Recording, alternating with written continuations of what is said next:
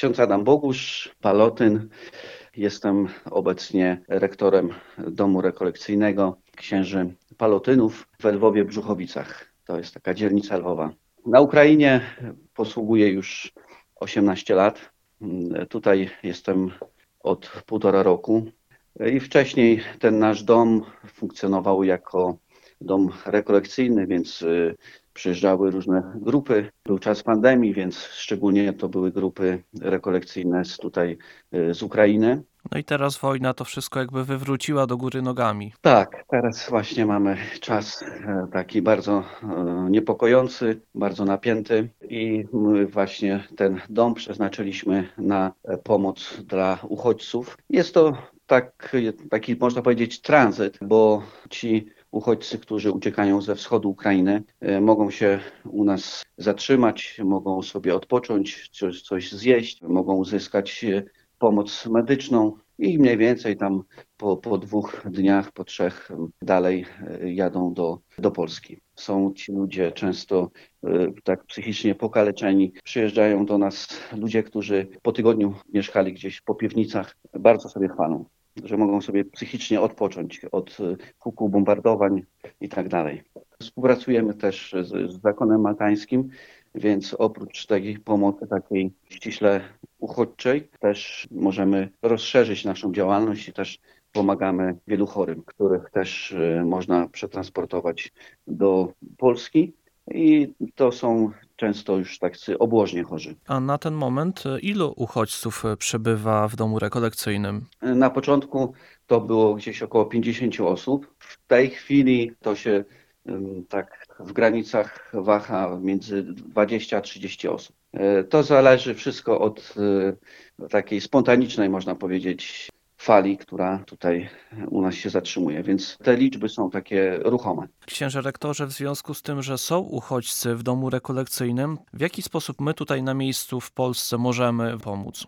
Takim chyba najszybszą metodą pomocy to jest wpłata na konto bankowe i my też y, z tego konta możemy tutaj robić różne opłaty tutaj na miejscu, na Ukrainie, tego czego na przykład nie dostajemy gdzieś tam w jakichś darach, tylko po prostu możemy wiele artykułów też tutaj zakupować na miejscu. I te środki nam właśnie służą do takiego płynnego funkcjonowania tutaj tego domu. I pomocy też przede wszystkim tym ludziom. My możemy dzięki tym środkom uzupełniać przede wszystkim zakup leków, które też y, przeznaczamy do innych szpitali, nie tylko, nie tylko tutaj w Popłodzie Lwowskim, ale możemy też pomóc innym szpitalom, które są w bardzo ciężkiej e, sytuacji. Nie mają często podstawowych nawet narzędzi chirurgicznych czy, czy podstawowych leków. Te leki bardzo szybko się rozchodzą. Po prostu są dostarczane, i od razu są dystrybuowane do dalej. Oczywiście też tutaj zatrzymujemy też pewne partie i, i też tutaj pomagamy na miejscu też. Jeżeli by była taka możliwość, to prosilibyśmy też o zorganizowanie jakiegoś transportu właśnie leków, medykamentów medycznych i też żywności. Konserwy, ryż to jest cukier, to jest mąka, to są różne kasze, różne gotowe dania, czyli na przykład taka fasolka po bretońsku, czy jakieś pulpety, czyli takie gotowe jakby zestawy słoikowe, tak, które u nas w Polsce są bardzo popularne a, a tutaj no tak różnie to bywa. Więc to, to też by nas nam właśnie ułatwiało też pracę w kuchni i tak, i tak dalej.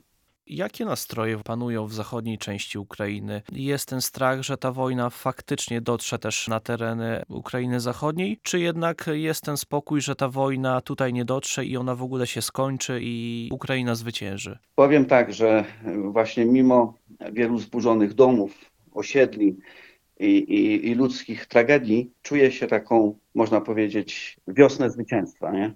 że jednak naród jest tak zjednoczony, ukraiński wespół właśnie z e, narodem polskim i czuje się tą wielką solidarność, jak to prezydent Ukrainy powiedział w jednym z wywiadów, że razem stanowimy około 90 milionów ludzi, więc ta pomoc też z Polski jest nam tutaj udzielana i jesteśmy bardzo, bardzo wdzięczni e, wszystkim, którzy właśnie wspierają nas, e, czy to w sposób e, materialny, czy to właśnie w sposób finansowy.